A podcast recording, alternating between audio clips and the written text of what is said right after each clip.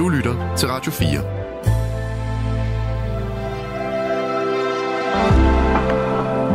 Velkommen til et sammendrag af Nettevagten. Jeg elsker at gå i biffen, og så elsker jeg også at øh, se film. Det der med at sidde i mørket, komplet uforstyrret, og få en historie fortalt i lys, lyd og billeder. Lukke alt andet ude, og så bare hoppe med ind i historien. Og så fuldstændig leve mig ind i magien. Jeg har altid elsket at gå i biffen, og gøre det rigtig, rigtig meget. Og jeg kan meget godt lide det der med, at man får en billet i hånden. Og så er det ligesom om, det er en lille kontrakt. En kontrakt på den måde, at øh, nu bruger jeg min tid her i mørket, hopper ind i den her film, og prøver ligesom at, at, at, at, at tro på, at, øh, at, at, at det, de viser mig, det, øh, det, det kan jeg godt leve mig ind i, og det holder. Og sådan, sådan gør jeg det. Så kan jeg altid vurdere bagefter, om det var godt eller dårligt. Og jeg har set rigtig mange dårlige film, men jeg tror faktisk, jeg har set flest gode. Og en gang imellem, så ser man bare noget, der er klasser over. Og øhm, det er selvfølgelig altid den fedeste fornemmelse at gå ud af biffen, bare med sådan en film, man bare næsten ikke kan glemme. I søndags, der var jeg i biffen.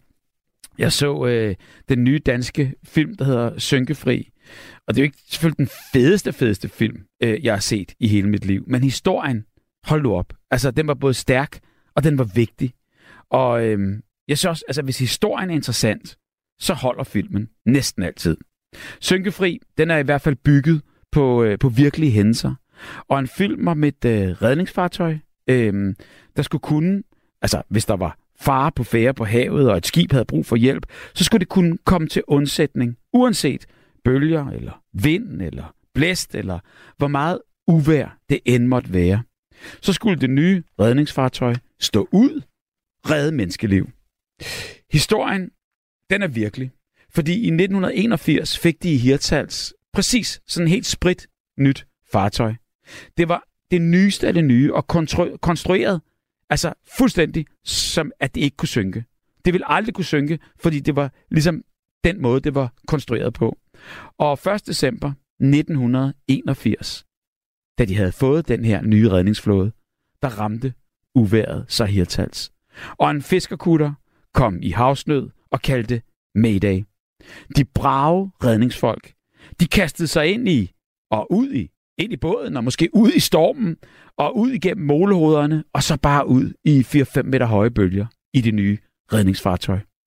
Med det resultat, er både fiskerkutter og redningsfartøj forliste den nat.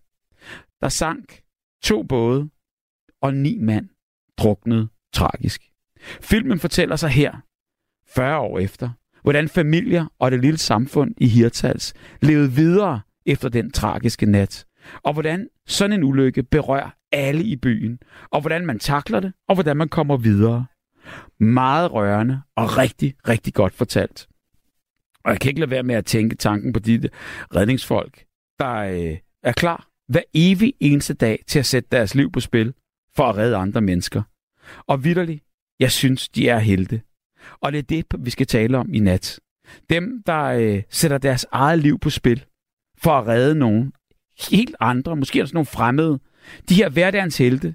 Og det er dem, der heldigvis også er rigtig, rigtig mange af. Og øhm, de findes jo også, altså de professionelle. Altså dem der, der er ambulancefolk, eller brandfolk, eller læger uden grænser, der tager til verdens brandpunkter, når de farligste områder i verden, for netop at redde liv. Så er der hjerteløberne. Dem, som løber, når de opdager et hjertestop efter en hjertestarter. Øhm, og så redder de liv på den her måde. Livredder på stranden, der svømmer ud og henter folk ind, der er ved at drukne, og det kan være sozoen, som redder den gamle, fordi de er de første på scenen, eller, eller ganske almindelige mennesker som dig og mig, der tilfældigvis lige er et tilfældigt sted på det helt rigtige tidspunkt, og tør tage affære og har mod og ansvar og viden til at redde, og endda måske yde førstehjælp. Hverdagens helte, det er emnet i nat. Forleden nat, der talte jeg med Finn, og han ringede ind til nattevagten, og det handlede om surdej, så det var, havde ikke noget med, med, med aftens emner at gøre. Men vi kom til at tale om, at øh, han havde stillet sig en gang imellem en togkontrollør og en voldsmand. Og det havde så udviklet sig til en regulær slåskamp. Og på den måde fik han så afværget og hjulpet et andet menneske, der måske ikke havde kunnet klare den her voldsmand. Og Finn, han er i mine øjne en af de her hverdagens helte. Men desværre, så har Finn også betalt en pris for sin heltegærning. For efterfølgende, øh, så blev hele den her episode et traume for Finn. Han udviklede nemlig desværre PTSD. Og det fortalte han mig. Og jeg synes, det er sindssygt synd for Finn. Og det viser også bare, hvor sindssygt krævende det er at sætte sit liv på spil for andre. Og hvordan vi må påskynde og være taknemmelige, at der findes folk, der vidderligt er hverdagens helte. Og dem må vi hylde. Vi må tale om dem og det er præcis det, vi gør i nat.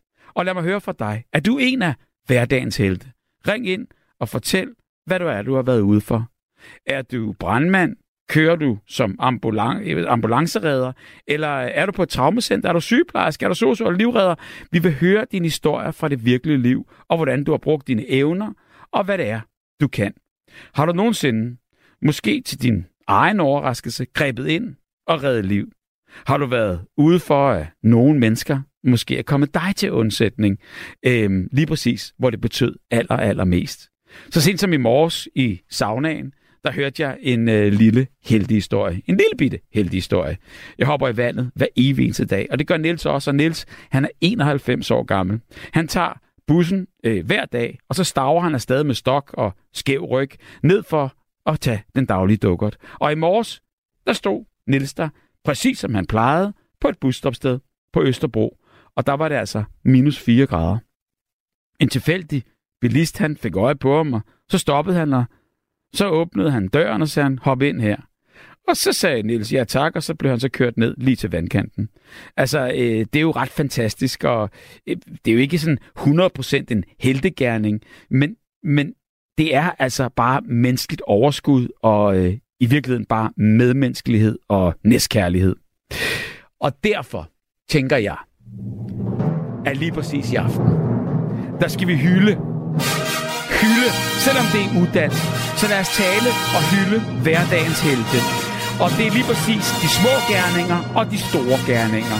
Altså dem der, der virkelig sætter livet på spil for alle os andre. Og det er lige præcis dem, jeg glæder mig til at hylde. Og så glæder jeg mig selvfølgelig til at høre fra dig. Nu til nattens aller, aller første stemme. Trine, god aften og velkommen. Hej, Bubber. Hej. Hej. Trine fra Svendborg, kan jeg høre med det samme. Ja, det er det. Sådan. øh, Bubber, jeg er sådan lidt... Øh... Jeg ved sgu ikke, om jeg er en held, fordi jeg er næsten øh, udfaglært sygeplejerske. Og jeg har også arbejdet på plejehjem, og jeg har også været med til at sidde og holde en mand i hånden, øh, som var på dødens rand, og så døde med min hånd i, i sin hånd. Øh, jeg ved ikke, om det er heldegærninger. Det, det, Men, det, øh, det, det kan man jo også, altså det er måske svært i hvert fald at, at, øh, at, at, at vurdere selv, men, men jeg vil Ja. så sige, i, i det sekund, du sidder der og er noget for nogen, der ellers måske skulle dø alene, så vil jeg sige, så er det da meget øh, helt modigt.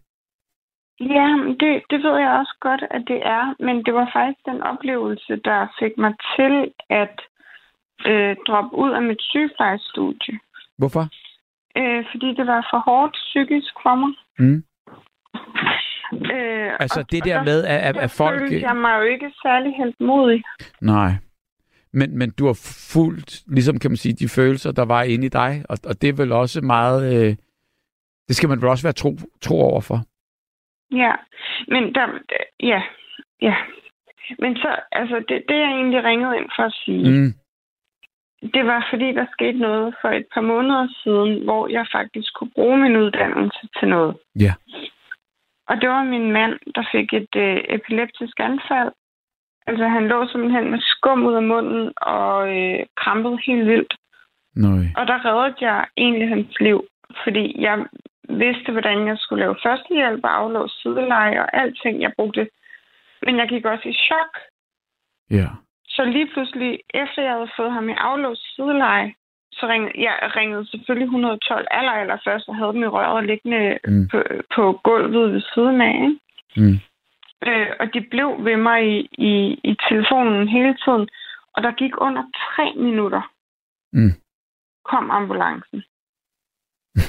og så, så, altså, jeg har været med til at redde, redde hans liv, men det var især dem jo. Og det æder med, med både dem, der stod bag telefonen, og, og de ambulanceredder, der kom. Øh, det, det, det, ej, jeg sidder helt her og ryster, Mm. fordi jeg, jeg kan ikke helt få den der øh, hændelse ud af min krop, at jeg kunne have mistet min mand lige der. Præcis. Men Og tænk, hvis du ikke havde været hjemme. Lidt. Og tænk, hvis jeg ikke havde været hjemme. Jamen, hvad var der så sket? Ej, det vil jeg slet ikke tænke på. Nej. Men, men, men der kan man så sige, og der var du jo kold nok til at gøre det, som du havde lært. Ja, det var jeg faktisk lige der. Der, der, der. Jeg fjernede alle følelser fra min krop. Og s- s- så gjorde jeg bare det, jeg skulle. Mm. Og det var at redde hans liv. Og så kom chokket vel bagefter. Det, det kom lige da ambulanceredderne kom. Mm. Der, øh, og også lidt mens jeg havde, øh, altså også lidt inden de kom, men jeg holdt ham fast. Mm. Jeg gjorde stadig, hvad jeg skulle. Øh, hvordan opdagede du ham? Jeg krampede. Jeg opdagede ham ved, at øh, jeg hørte et kæmpe bump øh, inden fra stuen af. Jeg tror, jeg stod i køkkenet. Og så han slået hovedet ned i øh, spisebordet. Øj. Og så kom jeg ind, og så lå han bare krampet fuldstændig som en sindssyg, og der kom skum ud af hans mund. Og, og jeg tænkte bare, eller jeg tænkte jo faktisk ikke noget. Har, har du Ja, oplevet det ja, på ham ja. før? Eller, eller har, har, har, altså, er det noget, han... han gang. Jeg har aldrig Nej. nogensinde oplevet før. og, og, Øh. og det er jo der, hvor man kan tænke, der, kan man, der er der nogen, der går i chok og synker sammen, og, og der er andre, der vender sig om og lukker. Altså, jeg ved ikke, altså, der er jo mange, mange måder at reagere på, og man ved jo ikke, hvordan man reagerer, før man står over for det. Nej, lige præcis. Men, men jeg tror bare, øh, jeg kom i chok bagefter. Det er Mm. nok mere rigtigt. Øh, jeg fik selvfølgelig lov til at køre med i ambulancen og sådan noget. Ikke? Mm. Øh, han kom afsted uden sko på, uden jakke eller noget som helst. Så Mm. vi var der, da han kom til sig selv et par dage efter. Mm. Altså, der var jeg taget hjem to, og havde hentet nogle ting og sådan noget, men ellers han havde ikke nogen sko eller Hvorfor fik nærmest han, trøje på. -agtigt. hvorfor fik han øh, sådan et epileptisk anfald? Der er ingen, der ved det. Øhm, han er blevet scannet i hjernen Mm. efterfølgende, og han, han er egentlig blevet udredt, men, men, men, men der er ikke nogen, der rigtig ved det, fordi Mm. det, det kom bare ud af det blå, men de fandt sådan, altså han er autist. Det kan godt have været noget stress. Mm. Altså han er højt fungerende autist, så Ja. du har også talt med ham et par gange. Jeg har talt med Kasper rigtig mange gange, og er vild med Kasper. Ja, ja han er et fantastisk menneske. Men, men der kan man så sige, hvad, hvad, hvad sagde ambulanceredderne så, da, da, da de ankom? Altså, der fik du ro selvfølgelig for det, du havde gjort, men, men kan man sige noget om, hvad, hvad der var sket? Altså, det, for, for man dør jo ikke af et epileptisk anfald, jo. Nej, men vi vidste bare ikke, hvad det var. Ja. Fordi han, han lider ikke som sådan en epilepsi Nej. jo. Men det er Øh. uhyggeligt at se et menneske sådan tjekke ud på den måde, ikke? Jo, og det, det, det kan ske af mange forskellige ting. Altså, jeg vil ikke sidde her og spille klog, øh, fordi det er bestemt ikke. Jeg er jo for eksempel hoppet ud af min sygeplejerskeuddannelse. Mm. Øh, men men, men der, der kan være mange årsager. Det kan være stress og alt Mm. muligt. Men at der ligefrem kommer skum ud af hans mund, det kan også være, at han... Nej, det, det, det, nej, det vil jeg slet ikke komme ind på, fordi, fordi det, det, det vil jeg ikke spille Nej, på. men, men, men jeg, jeg, jeg tror, der er noget med, at epileptisk anfald, det, det, det udløser jo de der kramper, og, og det gør så, at man tit ser det der frode om munden på folk. Ja. Der, der, Ja, og det, det var der i hvert fald. og så er der Men også noget med, at man skal kram. give dem en bideskin, øh, eller hvad? Ja, det Så- skal man helst. Ja. Øh, og, det, og det havde jeg slet ikke tid til. Fordi jeg var nødt til bare at, at øh, altså det så de ikke bider tungen af, ikke? Mm. for eksempel, eller bare bider sig i tungen. Ja, så. Men, øh, men øh, jeg, jeg skulle bare have fat i 112 og holde ham i aflåst sideleje, fordi han var dobbelt så meget, som jeg gør, så det var det, jeg brugte min tid på. Ja. Men han fik vist også en bideskin lige da de kom frem. Mm. Men det var simpelthen så ubehageligt. Godt arbejde. Ja, tak. Jamen, det er Ja, det da. så- Altså, så- og, og, og så ved du jo også med dig selv, at, øh, at øh, jamen, det kan du også. Ja, det kan jeg også. Jeg, jeg kan da godt redde hans liv, hvis det sker igen. Jeg håber da bestemt aldrig nogensinde, det sker igen. Mm-mm. Men så til de små hverdagshelte, ikke også? Ja. Øhm, altså, jeg er jo også en lille hverdagshelt på øh, lige hvad det her angik, ikke? Jamen, Men 100%. øh, jeg, jeg, jeg blev engang øh, kørt ned af en cyklist på Åboulevarden. ja. Jeg kom bare kørende stille og roligt, og han kom kørende med fuld fart. Og så en rygsæk, hvor den ene hang. Mm. Øh, den havde han ikke omkring sin skulder. Så den fik fat i mit øh, cykelstyr. Uheldigt. Og så fløj jeg af cyklen med hovedet lige ned i jorden og ud på vejbanen.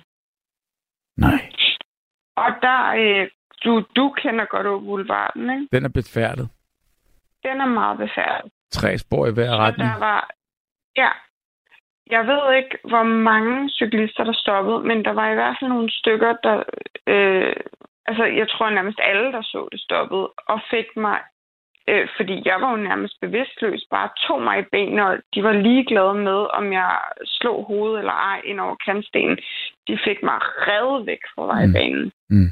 Ellers var mit hoved blevet smasket ned, altså, og gjort til grød jo. Øh, og det er jo også nogle helte. Altså, de har reddet mit liv. Ja. Jamen, det er jo Ja. det, altså, fordi førstehjælp, eller i hvert fald kan man sige, prøve at stabilisere, hvad, hvad, hvad der nu end øh, er sket, indtil øh, ambulancen kommer. Det, det, det, er jo, det er jo det aller, aller vigtigste. Ja.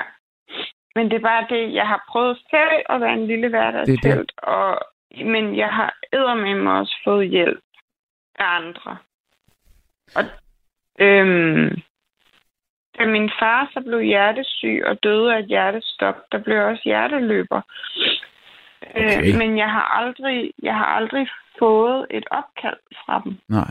Men det er jo sådan noget med, at de kan se... boede, det var, mens jeg boede i København. Og der kan man jo sige, heldigvis har jeg aldrig fået et Nej. opkald. Det vil sige, at der ikke har været et hjertestop i nærheden af dig, fordi det er jo sådan noget med, at de kan se i dig, nærheden af mig, ja. de kan se dig, hvor du er, og så får Ja. du så det bip, der gør, at hvis du befinder dig der, hvor, hvor, hvor hjertestoppet, i nærheden af, hvor hjertestoppet er, og har tættest på den, øh, Ja, hvad hedder sådan noget, hjertestarter, Og, og, så er det dig, der skal løbe efter den.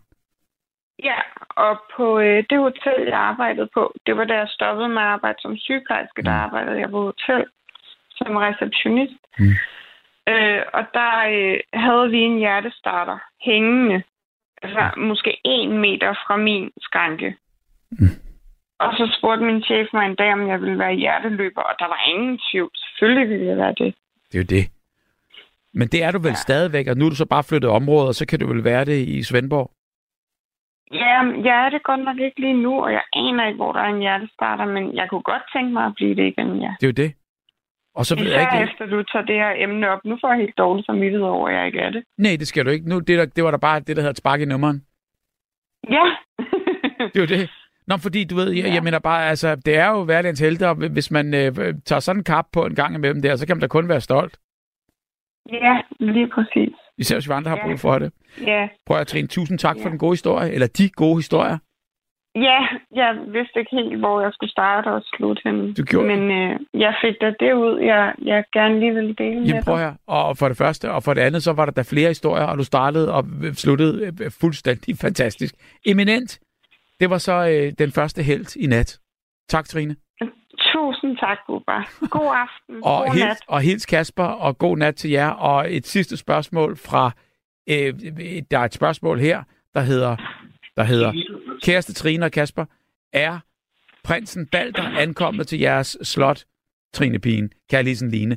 Og bare lige for at sætte alle ind i det, det er, at øh, I fik en hund. Den døde desværre, og nu ja, er I Viola døde. Ja, og vi henter Balder på lørdag. sådan. Hvad er det? Det er godt. Jamen, det er bare lige så, er der, er der tjek på, øh, på det sidste nye. Hvor er det sødt alene. Men ja, han bliver hentet på lørdag. Line var i hvert fald har fået svar nu på, øh, på, på, på, på Balder, og så glæder jeg mig til, at, øh, at, øh, at vi hører om, om øh, hvordan Balder falder til, og øh, om I overhovedet får sovet øh, i, i de nætter op til. gør vi nok ikke. Nej. Og så er der lige et, et hurtigt indspark fra Ina fra Valby, der skriver, øh, godt du er handlekraftig, Trine, og alt det bedste til jer begge. Åh, tusind tak. Handlekraftig Tusind tak. Trine. Kør så godnat. Tak. Sådan. I lige måde. Tak. Hej. Tak fordi du ringede. Ja, selvfølgelig. Hej, Bubba. Hej, hej. Og mine damer og herrer, så skal jeg håbe, og hå- måske får vi endnu en, øh, en held, en lille held, en lille hverdagsheld igen i nat. Karim, god aften og velkommen. God aften dig, Bubber. God aften. Hvordan går det? Med, Ja. jeg lytter. hvordan går det? Det går godt. Jeg er blevet ringet op af campingheksen i dag, fordi jeg lige har skrevet en bog om, om helte, den indre helt. Jamen, nu skal du høre. Det er fordi, ja. i starten af, af det her program der, der læste jeg en uh, sms op fra, fra, fra netop fra Campingheksen, som forklarede ja. om, uh, om uh, en helteskole. Det er rigtigt. Det er mig, der ejer helteskolen. Ja. Og, og så sagde hun, hun havde sendt den videre til dig, og, og, og, og, og jeg nok skulle forvente et opkald. Og det kom så her. ja, Så det er et bestilt opkald fra, fra Campingheksen. en opfordring. Ja. ja. Jo, jo, men det er da godt, at, der, er- at indholdet bliver, øh, jamen, bliver, øh, bliver dikteret. Det er jo simpelthen den verdens bedste øh, samtaleradio, og, og det er jer, kære lyttere, der rent faktisk laver det her program. Så jeg er rigtig glad for at, at byde velkommen til Karim fra Helteskolen. Og, og, og bare lige helt til at starte med, hvad er en helteskole? Helteskolen, det er en skole, der har eksisteret i 20 år, som har taget sig af at lave helte i hele Danmark. Okay. Det er for børn og unge til at skabe nye helte til samfundet. Øh, helte i samfundet, jamen det er alle, du nævner hverdagens helte. Øh, nu er det jo campingheksen, der, der har sendt det. Jeg kunne ikke lade være med at tænke på gummitarsen med en heks i en campingvogn, Mm. der giver øh, Ivan Olsen muligheden for at blive til helten i sit eget liv. Lige præcis. Og da jeg var en dreng, der var det mit aller, aller største ønske, at man kunne møde sådan en heks. Ja. Ja. Der går masser af børn rundt derude, der ikke er i trivsel med diagnoser. I nævnte en af dem i dag her i, til aften. Mm. Jeg ser ikke diagnoserne. Jeg har taget mig af at hjælpe alle børn ud af deres diagnoser. Så du er en slags er øh, hvad, hvad, er, mentor, er lærer på den skole? Altså, jeg ejer helteskolen, og jeg er selv heltetræner, hvor jeg i stedet går ud direkte. Det er ikke teori, men går ud praktisk dannelse og træner børn til at blive til helt i deres eget liv. Hvad, hvad, træner du, hvad træner du dem så i? Jamen, det er mange parametre. Altså, børn skal både være selvbærende, de skal være handlekraftige, æstetiske, æstetikere, de skal være eftertænksomme, og så skal de være spontane. Ja. De skal føle sig livstrygge. Livstrygge nok, at de er værdige, værdige unge mennesker til at være iblandt os alle øh, i denne verden. De skal ikke føle sig mindre eller have et mindre værd. De skal Mm. mm. føle sig hele. Så ordet helt betyder virkelig helt. Ligesom ordet integritet også betyder helt eller uskat. Mm. Så når vi taler om helte, så er det ikke altid dem i kapper og store gummistøvler og skæv ryg, der Mm. løber rundt og redder folk.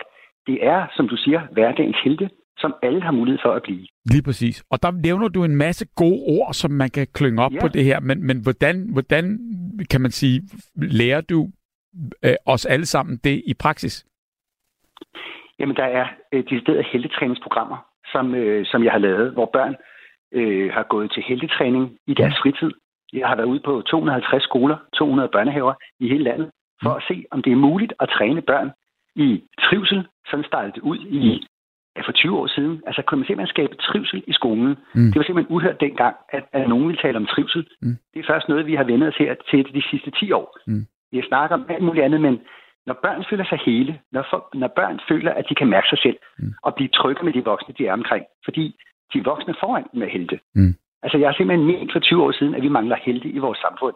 Så jeg håbede på, at børnene kunne øh, lære, hvad en held er, Mm. øh, og føle sig hele og føle sig værdige. Fordi at når de først føler sig trygge, jamen, så, kan, så kan man lære alt. Mm. Og det kræver simpelthen, at man vækker den knist inde i børn. Så man kan sige, at at vække en held øh, til live, jamen alle børn, alle mennesker har i virkeligheden kimen til at være helt. Mm.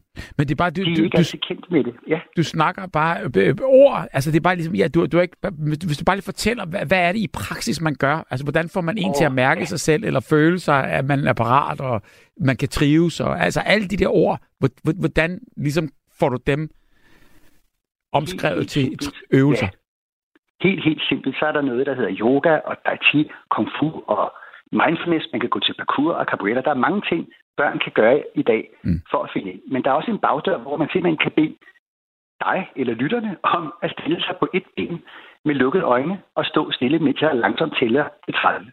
Og Okay. når man gør det og rejser sig op og står, fordi det kan simpelthen gøre helt lavpraksis. Ja. Hvis man øh, har mulighed for med lukkede øjne at stå helt stille og finde ro i sig selv, så finder man vejen ind til den indre held. Mm. Og den indre held, det er den, man bruger, når man skal synge, danse, når man skal udtrykke sig, når man skal være buber i et badekar, Mm. når man skal være en dejlig børnehøj... Øh, altså, et, et, et barn har brug for en held, der hviler i sig selv, og børn kan ret hurtigt gennemskue de lag, der skal være. Mm. Så der er nogle forskellige lag, som kunne minde om en babuskedukke, hvor man kunne snakke om inddannelse. Og når man kender vejen hele vejen ind til sig selv, så, så finder man det kerne, som helten øh, kommer af. Det er derfor, man snakker om, integritet betyder helt, eller Mm. integritet betyder helt eller uskat. Så man kan godt være en held, der redder folk som brandmand eller sygeplejerske, men det gør ikke, at man er helt held. Mm. Altså for at være en helt held hele tiden, skal man både lave en heldegærning, men i gamle dage var det også vigtigt, at man også var en held mm. altså hele tiden. Og den er svær. Men den øh, kan man altså simpelthen få lov til at møde inde i sig selv. Fordi der er ikke noget, man skal leve op til. Det er inde i forvejen. Så det skal være ligesom om, man afdækker det frem for, at man tillærer sig noget. Mm. Det er ikke et eller andet dannelse, man skal pådrage sig med. Det er mere en, hvor man går ind og finder ud af, aha, så den robusthed, der er på indersiden. Når børn har fundet den, der for eksempel har haft kræft, alvorlige sygdomme, diagnoser, som jeg ved undervise, så får de oplevelsen af, at Gud, har alt sammen på indersiden. Det findes inde i mig. Mm. Og så sker der noget helt andet inde i øjnene på børn. Det Nu har jeg lige prøvet det på bogmessen at stå med 30 mennesker, der stod på et ben med lukkede øjne, og alle væltede rundt mellem hinanden. Fordi det Det er er sværere, end, end, end, man, end man først antager at, at lukke øjnene, og så samtidig holde øh, øh, balancen på et ben. Det kan du tro. Altså når jeg gør det på et lærerværelse, der gerne vil have ro og koncentration i timerne, så hopper de rundt mellem hinanden. Fordi det er lettere, når man kigger og fokuserer på et punkt, og på den måde der, der, der, der følger balancen øh, med, med, med synet. Ja, også det, men også fordi vi nok i virkeligheden ikke er så hele på indersiden, specielt os voksne. Børn i en første eller en anden klasse kan ret hurtigt inden for 10 minutter stå på et ben med lukkede øjne. Mm. Og når man så tager det samme lærerværelse ind og kigger på børn, så er det lige pludselig, at rollerne bliver byttet rundt. Mm. Det er der mange voksne, der ikke bryder sig om. Men det er egentlig der, hvor jeg prøver på at tage de voksne hen og sige, der, er, der skal ikke noget vej med hunden eller barnet, hvis man skal gå fra hjemmet til, til netto. Altså, hunden skal godt finde vej. Det er mere hundeejeren eller de mennesker, der går rundt sammen med hunden, der måske lige skal tage sig lidt sammen og blive til helten, altså rollemodellen i vores samfund. Så en af, Det er derfor, du har mig røret. ja, men så en af, en af punkterne i at være en held, eller øve sig at blive en held, det er, at øh, man kan lukke øjnene og stå på et ben i, øh, i, i 30 sekunder, og, og så er man altså på vej til at blive, øh, blive en af hverdagens helte. Altså, det er derfor, man dyrker mindfulness og alle mulige ja. andre ting. Og der er super mange folk, der dyrker den slags ting som mindfulness, der ikke kan stå på et ben i 30 sekunder. Det vil sige, det, det er ikke fordi, det er tidsspil, det er bare... Jeg har en mand, der hedder Mikkel Kessler, som er verdensmester i boxing, som er protektor for mit firma. Mm. Han kunne ikke stå på et ben. Det har jeg fået lov til at nævne højlydt, fordi han sagde, det var der pokkers. Men hans lille søn, som havde store problemer, han, øh, han stod foran farmand Mm. helt stille. Og lige pludselig var rollerne byttet rundt. Sønnen skulle leve op til verdensmestertitlen hos farmand, og lige pludselig, øh, så, øh, sønnen, som havde udfordringer, kunne lige pludselig gøre nogle ting, hvor han tænkte, det var pokker, så i alverden kunne han det. Nej, men det er jo skønt. indre ro, Det er jo skønt. indre ro er super vigtig som udgangspunkt Mm. som menneske. Lige præcis. Men jeg vil nu godt våge at påstå, på- påstå alligevel, at, øh, at øh, på en eller anden måde, så tror jeg, at øh, du kan sagtens være en held, selvom du ikke kan stå 30 sekunder med lukkede øjne på et ben. Altså, det, det, det er ikke fordi, det ikke følges ad.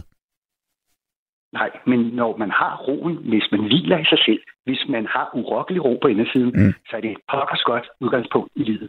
Og det er kun udgangspunktet, jeg taler om. Lige Når præcis. udgangspunktet først er etableret, så kan man bygge det andet op. Mm. Det er ofte som om, vi nogle gange bygger op modsat. Så Men, men så er du jo den rette at spørge også, øh, Karim. At, at, nu, nu hylder vi de her hverdagens helte i nat. Ja. Sker det for, for, for sjældent, at vi gør det? Men jeg synes, det er noget, vi, øh, vi gør ret ofte. Og Okay. når jeg har lavet de her 20 år, er jeg altid blevet bedt om at tale om den slags helte. Når, når jeg taler om helte, så taler jeg om en mand, der hedder Ove Sprogø.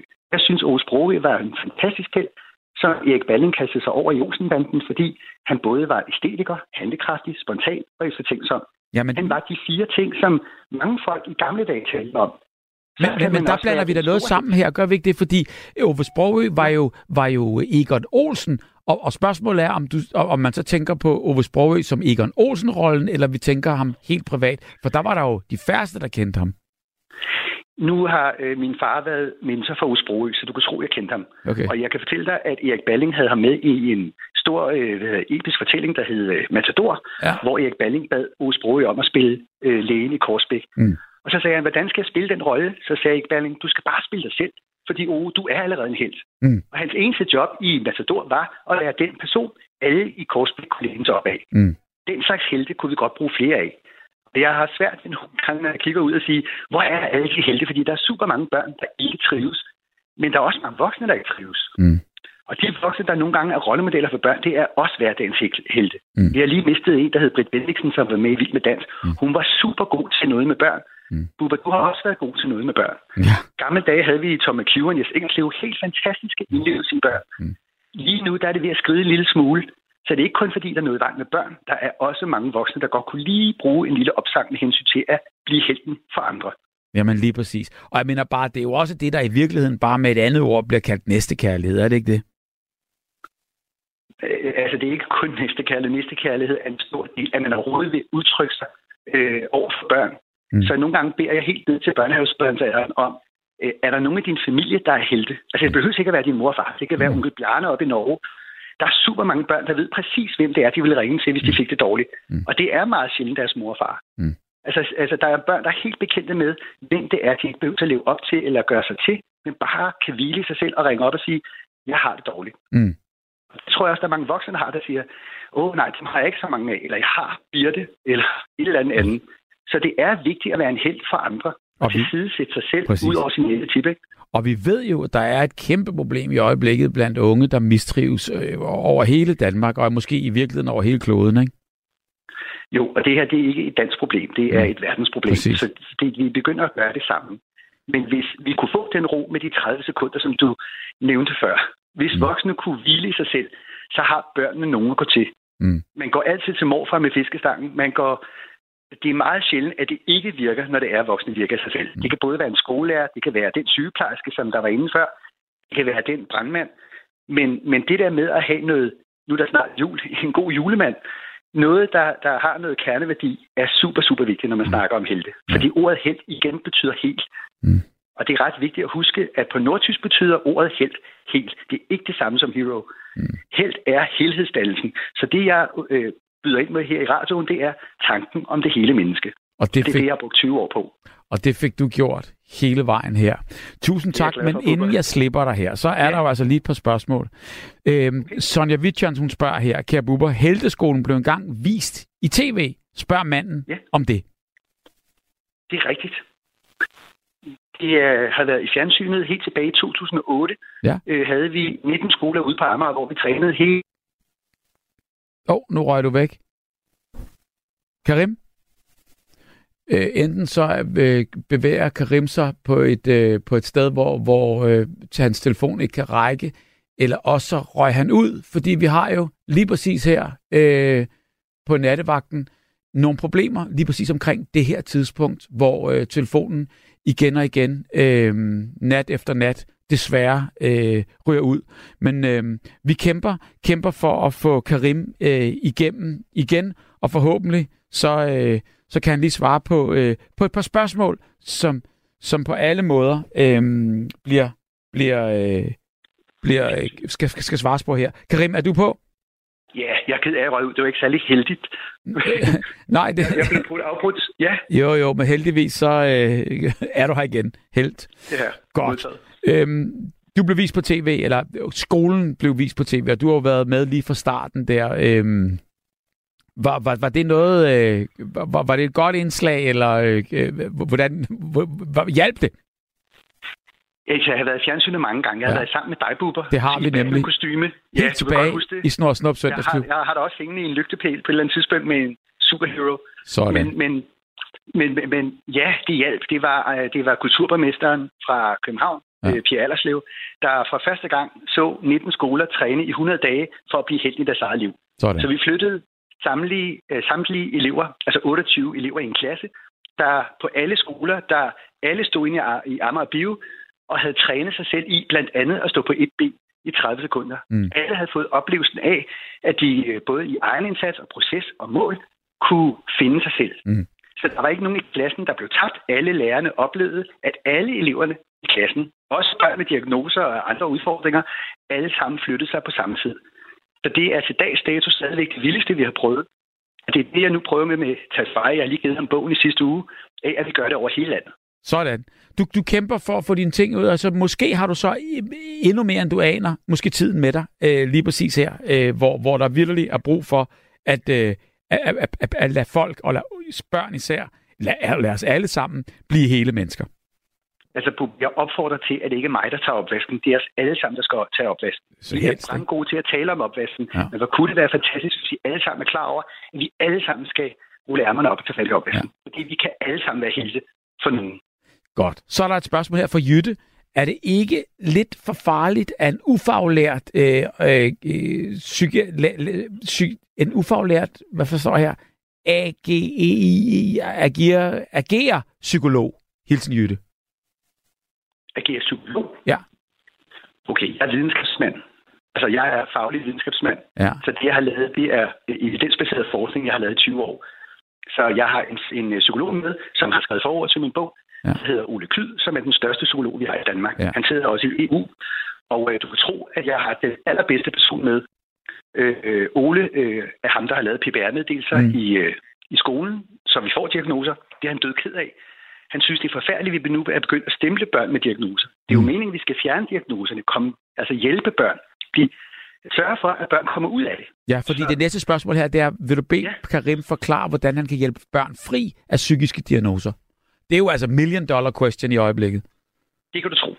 Altså alle de børn, der er gået til heldetræning, det er over tusind af børn, der er gået til heldetræning over hele Sjælland. Det vil sige, det kan være Nordsjælland, Midtjylland osv. Mm. Og du har faktisk været en del af det, Bubber, fordi du var med dengang, hvor vi stod med en bunke børn. Det er vildt.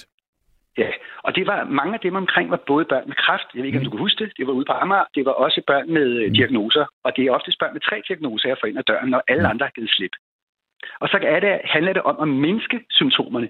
Mm. Man kan ikke bare fjerne en diagnose, man kan mindske symptomerne, så er der ikke længere at tale om diagnose. Mm. Man kan give retalin og mange andre ting, men det der med at begynde at træne børn i at få styr på sig selv, øh, det mm. er ikke nok. Det handler om at få fat i særpræget, både styrker og skyggesider. Der er noget, der hedder behov og adfærd. Det er noget, man altid kigger på. Men hvis man nu i stedet for kigger på særpræget, altså det, der er inde i mennesket, mm. så ligger opskriften allerede derinde. Mm. Så der er, der er masser af børn, der har diagnoser som Asperger eller ADHD osv. De kan alle sammen trænes, og de har alle sammen gået til heldetræning alle de år. Så nu er det en erfaring, det er en erkendelse, det er et færdigt resultat, der er blevet gjort. Ole Kyder kigget med ind over. Han er helt overrasket, så siger han, at det ikke nu, vi skal give det til Tasfaye. Mm. Tænk engang, vi kan gøre noget, og vi kan give det videre til resten af Europa, fordi det er ikke et dansk problem, det er et europæisk problem. Hvor er det så bare i orden? indre held handler om, at at her til juleaften, at man, hvis man kender nogen, der har en diagnose, så står der simpelthen opskriften på, hvordan man selv går i gang. Fordi nu synes jeg, at jeg har lavet opgaven i 20 år. Mm. Nu vil jeg helst gerne give den videre. Jeg vil ikke fortsætte med at tage opvasken. Jeg vil helst gerne lære det videre, så alle kan gøre det. Det Jamen, skal ikke være noget, det... en forretningsmodel. Det skal sgu være for alle. Mm. Hvor, hvor, er det, hvor, hvor er det godt set, og, og hvor er det øh, i orden, at du bliver øh, blåstemplet, og det lyder som om, at du øh, har på en eller anden måde øh, det hele med dig. Øhm, og, og derfor vil jeg da også bare sige, jo mere man kan på en eller anden måde kurere og lindre uden brug af medicamenter og, og, og piller og hvad det alt sammen hedder, øh, jo bedre, tænker jeg. Ja, jeg er fuldstændig enig. Ja. Altså, det er virkelig vigtigt, fordi det taler ned til folks værdighed, at de ikke får hjælp direkte, men skal have medicamenter. Ja. Når de selv kan tage sig af det, så bliver de ved med at bevare helten i sig selv. Mm. Det er super vigtigt, at børn lærer, Gud, det er noget, de selv kan tage sig af. Og det er at blive til helt i sit eget liv, hvor man selv har taget sig af det. Wow, det yeah. synes jeg, at alle børn skal vide, at alle børn er heldige, når de gør det her. Så vil du kalde det hverdagens helte. For mig er det endnu større. Her kommer der en fra Ina. Der kommer faktisk et par stykker, og, og dem tager vi lige okay. hurtigt her. Jeg skynder mig, Bubber. Hej, Bubber. Helt på tysk. Uh, helt på tysk hedder ganz, som betyder hel. Ja, det er så rigtigt. Ja. Tak. Og, og ordet dannelse betyder bildung, bilding på svensk. Øh, på dansk hedder det dannelse, og det bliver rodet rundt, fordi vores begreber herhjemme er, er blevet lidt fattige. Så når vi bygger noget op, så snakker jeg mere om inddannelsen, altså den indre held. Det er virkelig vigtigt, at vi bygger op indenfra og ikke udefra. Så siger Karina igen, eller hvad hedder altså Ina hedder, her, siger her igen her, Hej Bubber, hvor var du, Karim, da jeg som barn havde PTSD? Held og lykke med det hele. Jeg elsker dig. Tak for det, du siger. Der har også været helte for mig, Ida, som har hjulpet mig. Og derfor synes jeg, med alle de folk, der har hjulpet mig, så er det forpligtende, at vi også hjælper andre fremadrettet. Sådan. Jeg har også nogle vanvittige... Jeg har gået med Bendiksen. Jeg, jeg, jeg synes, det er fantastisk, Bubber, det du lavede dengang.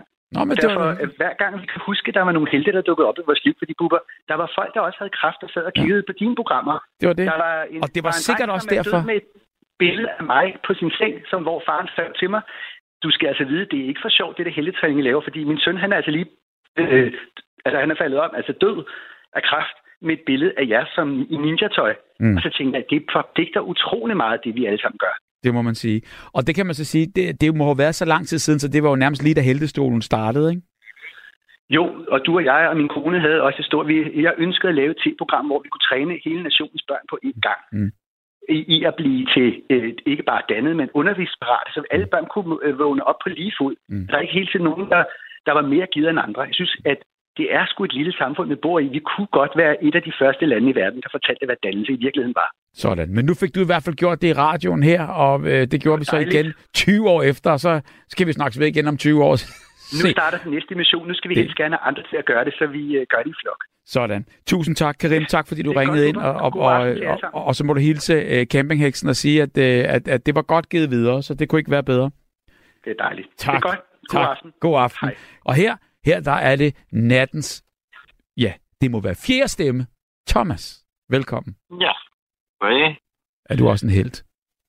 Øh, nej, jeg er noget en gang, men, men det er nu en anden sag. Det ved jeg ikke, om man er en held for. Men jo, det er man men, jeg, øh, jeg synes jo på en eller anden måde, at når vi alle sammen kan gå ind i et supermarked frisk og, og, og, og, og rent og øh, bakteriefrit, og, øh, og på en eller anden måde der bare tænke, det er der nogle små helte, som render rundt og støvsuger og gør rent eh, hver nat for os, så man kan handle rent.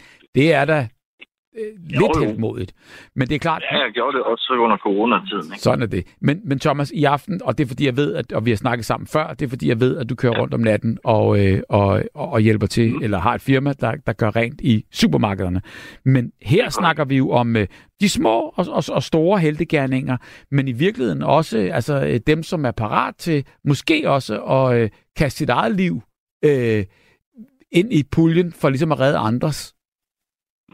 Altså der var, øh, det er en to-tre måneder siden, det er faktisk min egen kone, hun, øh, jeg, kom, var lige kommet hjem, og så min datter, hun er halvandet år. Mm. Og der var kun hende hjemme, og så har hun ret rundt, så hun mig tidligt op i kort på køkkenbordet, og får hun fat i sådan en pose. Øh, jeg tænker ikke yderligere over, jeg kalder sådan en lidt meget hyggelig. Jeg tror, det er nogle små slik, hun spiser. Mm. Men øh, det er det så ikke. Det er de her, øh, hvad hedder det? Jeg ved ikke, hvad de hedder, men det er sådan nogle svampe, der de findes i brune, og de findes i røde. Nå ja, ja. Øh, ja, og den får hun, så bliver hun meget vild med mad og sådan noget, men hun får i hvert fald slugt den her. Og så kan vi bare, jeg har altid været angst for det der. Og hun begynder at hoste, så det er lidt ligesom der han fortalte om sidst. Og, ja. altså, jeg panikker totalt. Altså, Altså så I det, eller, eller I så selvfølgelig ikke, hun, hun puttede den i munden, men I, I hørte jo med det samme hendes hosten ja. og hendes... Ja. Og så er vi klar over, hvad det er, hun har derinde. Mm. Og, øh, og så begynder hun jo at hoste og sådan nogle ting der. Og Mm. jeg har simpelthen, øh, jeg står klar med 112. Det, der så sker, det er, at hun begynder faktisk at få blå læber og blive blå i hovedet. Og der, det, altså, jeg, jeg, jeg går fuldstændig i panik. Men der er hun meget kold og fattende, og hun har prøvet at få det der, øh, slået hende bag ryggen, og det Mm. hjælper ingenting. Og Hvor, gammel, hvor gammel er datter? Halvandet år. Halvandet år, Og ja. så hun god på det tidspunkt, men øh, det er jo ikke så lang tid siden her. Så, Mm. Men så heldigvis, så får hun så, og det kan jo være farligt at gøre, fordi du kan skubbe den længere ned, men hun stikker fingeren simpelthen direkte ned i halsen på hende, og der ryger den så heldigvis igennem. Det og tror der jeg. kan jeg godt give det og lettet. Og det gjorde hun, Det- øh, hvad, hvad hedder det, helt øh, fuldstændig nærmest sådan, øh, bare instinktivt. Ja, og hun var meget øh, rolig og fattet, og det var jeg bestemt ikke Wow. overhovedet. Så det synes jeg er meget imponerende, at hun var så fattet og rolig. Det kan jeg slet ikke forstå. Mm-hmm. Ja, hun kunne være. Det, det var jeg. Altså, jeg var helt sikker på, at nu går det galt. Fordi det der med, at det blå, det begyndte at komme, ikke det panik, det kunne jeg slet ikke øh, Nej, holde nej. ud. Jamen lige præcis. Og, og, og, og, og der bliver man jo måske sådan lidt mere øh, øh, chokeret og, og panisk, i stedet for at, at tænke, hvad er det egentlig, øh, der, er, der, der er et element, der sidder, der ikke skal være, som man bare bliver nødt til at fjerne. Det er også fordi, at det er jo her, det er jo minutter og sekunder, det drejer sig om, eller minutter i hvert fald ikke. Det er noget med 6 minutter, Ja. eller noget, ikke? Og det er altså begrænset, hvor hurtigt de kan komme ud, ikke? Mm. Øh, inden hun, hun ligger ned. Men øh, der skete jo heldigvis ikke mere end det. Mm. Og så den anden ting, det er, det er måske noget, du kender til faktisk, var et øh, senere historie, hvad der så sker. Men det er jo faktisk, vi var i Dronning Mølle Ja. på et tidspunkt, jeg boede i Gilleleje, øh, Circus Arena, hvor vi sidder på første række, og så er der de her øh, trapez, hvor der er en, hun skal op i sådan et, øh, hvad hedder det her? Det er sådan en... Øh, Jamen, jamen, hun skal op i en trapez der, og jeg ved lige præcis, Nej. hvilken historie du snakker om. og der sidder vi lige helt forrest, og så falder hun ned der fra det Ja. der. Jeg tror egentlig, det en del af showet, og for, og de, de, de står faktisk selv i chok, de her fra Ja. ja. cirkuset. De, der, der er sådan 10 sekunder, hvor der, der, der er fuldstændig stille i den her sal, og der det, folk de stiger bare, det gør de også selv, men så får de hurtigt fattet situationen, ikke? Mm øh, og, og, for det. Men det, jeg også synes, der er mest flot i, det er, at de faktisk fortsætter, der helikopteren har været at hente hende, fortsætter den her forestilling, og det gør de der trapez også, og, og det hele, selvom at de er meget berørt af den her situation, og det synes jeg er meget flot øh, gjort, at de overhovedet kunne holde til det. Det, jeg så synes, der er synd, det er, at der var en kæmpe diskussion bagefter, en masse ballade om, om hendes udstyr, og hun skulle selv stå for det udstyr. Det synes jeg egentlig var lidt synd. Jeg blev faktisk meget irriteret over det. Jeg gad ikke at se på det på fjernsyn, fordi jeg synes, det er latterligt. Altså, hun har, hun har jo slået med, at hun ikke er blevet slået ihjel, så, så det burde de jo... Så det var en irriterende diskussion, synes jeg, der var til sidst omkring alt det der. Ja, jeg var der ikke. øh, Jeg, jeg var ikke startet der på, på det tidspunkt. Øh, øh, øh, og, og, og jeg, ved da bare, jeg hørte også om den der historie, og det er jo, øh, det er jo helt vildt, hvad sådan nogle artister en gang imellem øh, udsætter sig selv for.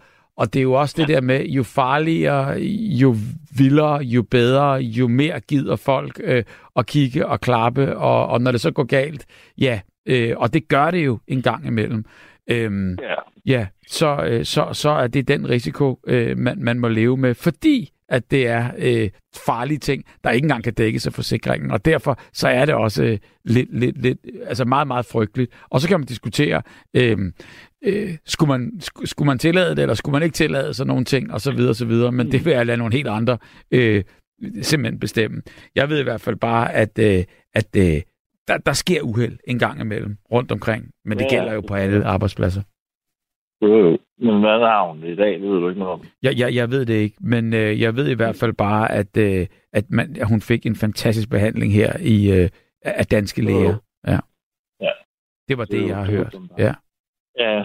Men jeg, jeg kendte ikke noget til dig. Jeg, efter. Nej. Jeg var lige givet leje dagen efter, så var jeg så nede med, med blomster. ja. Wow. Men det er jo Så, også det chokerende at sidde og kigge på, på, på, på sådan noget, og ikke kunne gøre noget. Ja, altså vi opfattede det jo ikke til at starte med, for vi tog sådan ligesom, det, det, det, det Ja. så ikke ud som et uheld først. Altså, øh, men det gør det jo, så når hun ligger på gulvet. Ikke? Mm. Så det kan vi jo udmærke se, hun ikke har særlig godt. Jo. Så, Ja. Men der var så Så- nogle øh, professionelle, der, øh, der, der, der tog over. Øh, ja, og, ja, og, øhm, og, og, og på den måde kan man så sige, det har jo så også været helte, der på en eller anden måde der har, øh, har været med til altså, øh, at redde hende. Ja, altså, jeg, ja, ja, det er Ja. det. Altså, det gik jo stærkt, ikke? Og så, men, men der var de der 10 sekunder, der var de, de var lamslået selv. Altså, de Mm. stod ude i hjørnerne. Men de sprang hurtigt til alligevel, men der var lige den der tomhed, ikke? Ja. Men jeg uh, synes jeg også, det var flot, at de så for, eller, altså, fortsatte efter, ikke? Altså, det, Mm. det, det, det, må man sige, at de havde overskud til overhovedet. Mm. Uh, men det havde de. Ja. Så det synes jeg, øh, det var flot. At de det. Frygtelig historie, øhm, som på en eller anden måde Ja. der, et, som ikke endte så godt, som, som, som det gjorde for din datter der. Har I snakket om Nej. det, dig og, og, og din kone, om, øh, om, om den? Ja, det har de. Om, hvad, hvad, hvad, hvad, var hun også chokeret over sig selv, over øh, den der coolness og den måde, som hun kunne ligesom fjerne den der, det der element? Ja, det var hun. Det var hun nok også. Altså, men, men jeg er meget imponeret over hendes øh, ro- rolighed. Altså, Mm. mm. det, det er ikke særlig god i sådan en situation. Det, det må man sige. Nå. Det var meget, meget fattet. Det Ja. synes jeg var meget flot. Den side har jeg ikke lige set derhen før. Men øh, det fik jeg så også se. Det var, det var meget smukt på en måde. Så, så hun er en stor held i mine øjne i hvert fald. Jamen altså, det forstår jeg godt. Og, øh, og på den ja. måde, der, der kan man jo bare kigge på sin, på sin datter igen og igen, og så tænke, du ved, hvor, hvor, hvor hurtigt altså, det kan gå, og hvor skrøbeligt livet er. Det er det. Det kan, det, kan dreje sig om få sekunder, ja. at der kan ske noget. Lige præcis. Altså, det der, der er mange ting, det kan det også i dag. Det kan være utroligt koldt og glat og alt muligt, man skal passe på. Det sker ting lige hurtigt. Mm. Men ikke det er også, at der er nogen, der sørger for, at vi, vi kan køre på de her veje, ikke? uden der sker alt for meget. Mm. Der er, mange ting, der er i gang, uden man egentlig tænker over det. Ja, altså det, det, det er jo det. Og, og når det så går galt, så tænker man bare, herregud, og, og hvorfor, og, og alt muligt, hvor, hvor, men i virkeligheden også en gang imellem burde tænke, wow, altså jeg er kommet igennem helt dag. Tænk, hvad der kunne være sket, ja. og hvor er jeg taknemmelig for, at, øh, at jeg fik lige en dag mere, ikke? Jo. Og så har jeg sådan en lille, lille opfølging, det har jeg faktisk lovet på et tidspunkt. Ja. Der var nogen, der gerne ville løbe nærmere, men det, var, det tager kun lige to sekunder, men det var det er faktisk, vi lige blev, blev kontaktet. Kommunen har jo forfulgt os i, i fem år, det har taget øh, rigtig, rigtig hårdt på vores familie. Hva, okay, bare lige, bare lige for, for, for at starte. Hvad, hvad, har, hvad har kommunen forfulgt jer omkring? Øh, omkring børnene. Altså, fordi vi har haft nogle ekser, som har været meget utilfredse med, at vi var sammen og sådan nogle ting, så de har skudt rimelig med skarpt, og det har været hårdt med de sagsbehandlere. De har hele tiden wow. startet sager og paragraf 52, og jeg ved ikke, hvad det er en anden. Mm. Ja, det har været meget hårdt, for vi hele tiden følte, at vi har gjort det forkert, men nu har vi så fået en ny sagsbehandler i dag, og hun har så sagt, at vi skal til en, fordi min kone hun brød sammen telefonen, og hun kunne ikke overskue mere. Mm. Det her, øh, at øh, at hvis vi kommer ind til et møde på fredag, så, øh, og hun lige øh, så os i øjnene, så vil de lukke sagen. Så det er dejligt. Det er jo perfekt. Ja, så, så, så endelig kan vi få fred og Dejligt. Det har også, også øh, mange ting. Hvor lang, tid har, hvor lang tid har det stået på, altså hele den, øh, den uro? Hele vores forhold, fem år. Fem år. Lige før vi starter. Det er og så, meget også en, en check. Og det slider jo. Det, det har været meget hårdt, fordi at, at, at, at de er hårde. Nu hørte jeg en podcast her forleden dag, hvor de snakker om sådan noget med trætte forældre, eller sådan et eller andet. Hvor jeg faktisk blev meget lettet over de ting, de sagde, fordi det blev sådan meget nervøst at have med at gøre med børn efterhånden. Synes jeg, man synes, man gør det hele forkert. Så er madpakker forkert, så er det ene eller andet forkert. Så må man ikke dit, så må man ikke dat. Mm. Det sætter sig ind i hjernen, øh, og man bliver nervøs ja. og utryg øh, på sin forældreopgave. Mm. Så, og de er meget hårde, nogle af dem med kommunen, ikke? Mm. Øh, ja, jeg kalder dem maskinerne. Det har jeg gjort et par gange. Så jeg sidder på den der, så jeg kan ikke stoppe den maskine der. Mm. Så den der computer der, og skriver, skriver, skriver, skriver. Ja. ja der er alt så meget... Øh, Procedurer. De skriver alt så meget. Jeg synes, det er forfærdeligt. Altså, ja. Så er det sådan noget med, at øh, Ja, fordi vi ikke lige havde fået øh, tømt kattebakken, så var der, der, der, der så var der øh, kattetit, der lugtede i vores hus, eller mm. et eller andet. Øh, hvad skal sådan nogle ting kommenteres for? Altså, det, det, det starter rigtig mange ting, ikke? Øh, forskellige mm. ting. Det er også blevet kommenteret, der stod en, en, en tom vandflaske. Det var sådan en mor, var på besøg på bordet, ikke? Jeg mm. tænkte, øh, det, det, det, altså, men, men nu er det overstået, øh, forhåbentlig. Øh, så, så, så det er rart. Men, men jeg synes, øh, det er forfærdeligt, at folk de bare kan, kan angive ind, som det passer dem, øh, og bare bræller løs som alle mulige ting, øh, som det nu øh, de synes, som skal kommunen tage sig af det. Det, det de bruger så mange ressourcer på det. Men jo, jo. Det, det fik også men det kan jo godt være, at der er noget om det en gang imellem, og, og så får de måske heldigvis reddet nogle, nogle børn fra, fra, fra noget, der var, der var værre. Men, men det gælder jo, altså måske i jeres tilfælde, og derfor er det da også bare skønt på en eller anden måde, at I så får ro. At det så tog fem år, og det var alt for meget, og så videre, så videre. Men, men nu skal man jo glæde sig over, at, øh, det er, at det er på det er fredag. Ja. Ja, så skal vi møde med hende, der den nye sagsland. Ikke? Sådan. Hun er også lidt en anden sted, så det er fint. Dejligt. Tusind tak. Tak, Thomas. Og, og, til, og tillykke med, med, med det hele. Altså øh, både nyt liv med, i, i datteren, og så nyt liv i forhold til roen, og ikke noget øh, jagten fra kommuner. Nej, det, det er dejligt. Så, Sådan. God nat. Tak for det, og god nat, og tak fordi du ringede. Ja, så hej hej. Hej, hej hej. Og i nat, der handler det jo altså lige præcis om, øh, om hverdagens helte. Og øh, vi kan jo også godt tænke os at høre fra de professionelle. Hvis du er en øh, socio, der kører rundt i bil nu her fra, fra klient til klient, så kunne du jo ringe ind, øh, i, i, mens du, mens du øh, øh, tager fra det ene sted til det andet, og lige fortælle, hvis du har øh, reddet liv. Det kunne også godt være, at du var ambulancefører, og der ikke var lige noget at lave nu, at du, øh, at du kunne fortælle os nogle af de gode historier, øh, hvor det endte godt selvfølgelig. Øh, og, og, og, og på den måde der, hvis du er professionel på den ene eller den anden måde, vi vil gerne høre alle historierne, fordi øh, det er jo det, vi gør her i nat. Det giver perspektiv hver evig eneste nat i nattevagten. Erik, god aften. Ja, god aften. Halløj. Halløj. Jeg ville sådan set ikke have været igennem, men øh, jeg ønsker at oplyse dig om, at du skulle opfordre alle til at blive bloddonor. Alle, der kan være bloddonor. Men da jeg ikke kom igennem, så ringer jeg op en gang til. Jeg har et for længe, længe siden, i starten af, af 80'erne, ja, jeg var i USA, der lærte jeg at surfe. Mm. Og senere hen, så startede jeg en surfskole på Hellerup sammen. Der var en anden en, der hed Gumbel, der også havde en skole dernede, men han kom Han ikke windsurfede. Som Hvad var? Han windsurfede. Ja, det er rigtigt, og jeg var en af de første år sammen med ham, der stod nede for enden. Altså, det er nede på Rosenhave. Jamen, jeg, jeg, jeg kender godt Gumpel. Gumpel, han øh, har skiforretning, og han har øh, øh, surf, surf og han har beskæftiget sig med hele det der hele så- sit liv. Hvis du kom dernede, så må du også have kendt mig. Jamen, det, jamen jeg, jeg er ikke kommet den men, men jeg sejlede ud på vandet. Åh ja. Men altså, jeg havde sammen med Gumbel en surfskole. Jeg kan og sagtens en huske var der det. en, der var en, Mm. der ikke rigtig kunne surfe. Ja. som øh, øh, jeg havde ikke... Øh, det var ikke en, der kom hos mig. Det var sådan en, der er en nybegynder. Og pludselig så var det altså drevet så langt ud til søs, så de var langt forbi havnen i løbet. Ja. Og øh, det opdagede jeg. Og der var sådan en rigtig øh, kraftig vind. Og pludselig så kunne jeg se forsvandt personen. Jeg, rigget, jeg havde jo rigget et bord. Det lå rigget til dernede, fordi jeg havde en surfskole.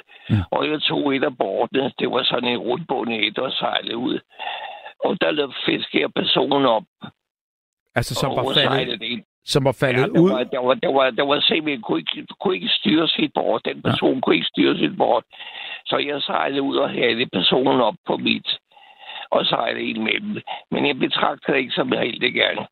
Dertil kommer så det andet, jeg for mange, mange år siden, før den motorvej, den blev bygget helt ned til Lolland og Falster, mm. har jeg på den gamle motorvej set folk køre forbi en brændende bil, uden sådan set at stoppe op. Jeg stoppede op og hævde en person ud af vognen Mm. og lagde dem ud på vejen. Da brandvæsenet kørte, eller kom, der kørte jeg derfra. Jeg har aldrig søgt heltegærninger. Mm. Aldrig nogensinde. Og som jeg sagde før, jeg har været bloddonor siden mit 18. år til og med der, hvor man ikke måtte mere 67. 7. år.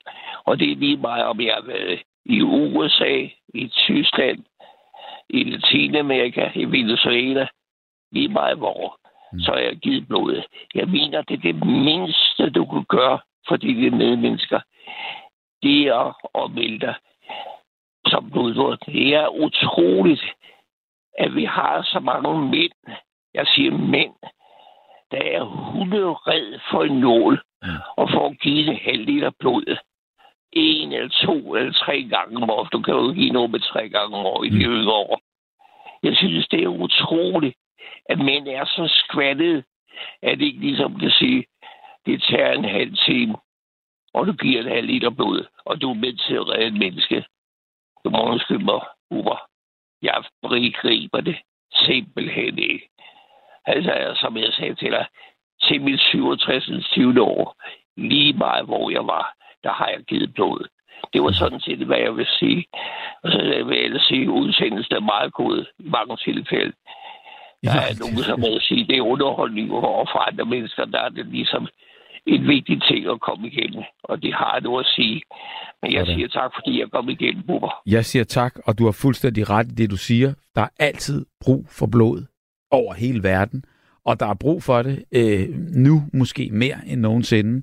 Og øh, det er jo på en eller anden måde øh, en meget, meget lille ting at, at, at gøre, øhm, og, og så er det alligevel en kæmpe stor ting. Så jeg, jeg forstår udmærket godt din øh, dedikation til, til, til det, og øhm, det var godt sagt, og jeg øh, håber også på, at, øh, at der er mange, der lytter. Så, så tusind tak, Erik, og øhm, sejt hele vejen igennem. Tak fordi du ringede. Altid en fornøjelse, altid hyggelig, og du er velkommen til at ringe igen. Tak skal du have. Du har lyttet til en podcast fra Radio 4. Find flere episoder i vores app, eller der, hvor du lytter til podcast. Radio 4. Ikke så forudsigelig.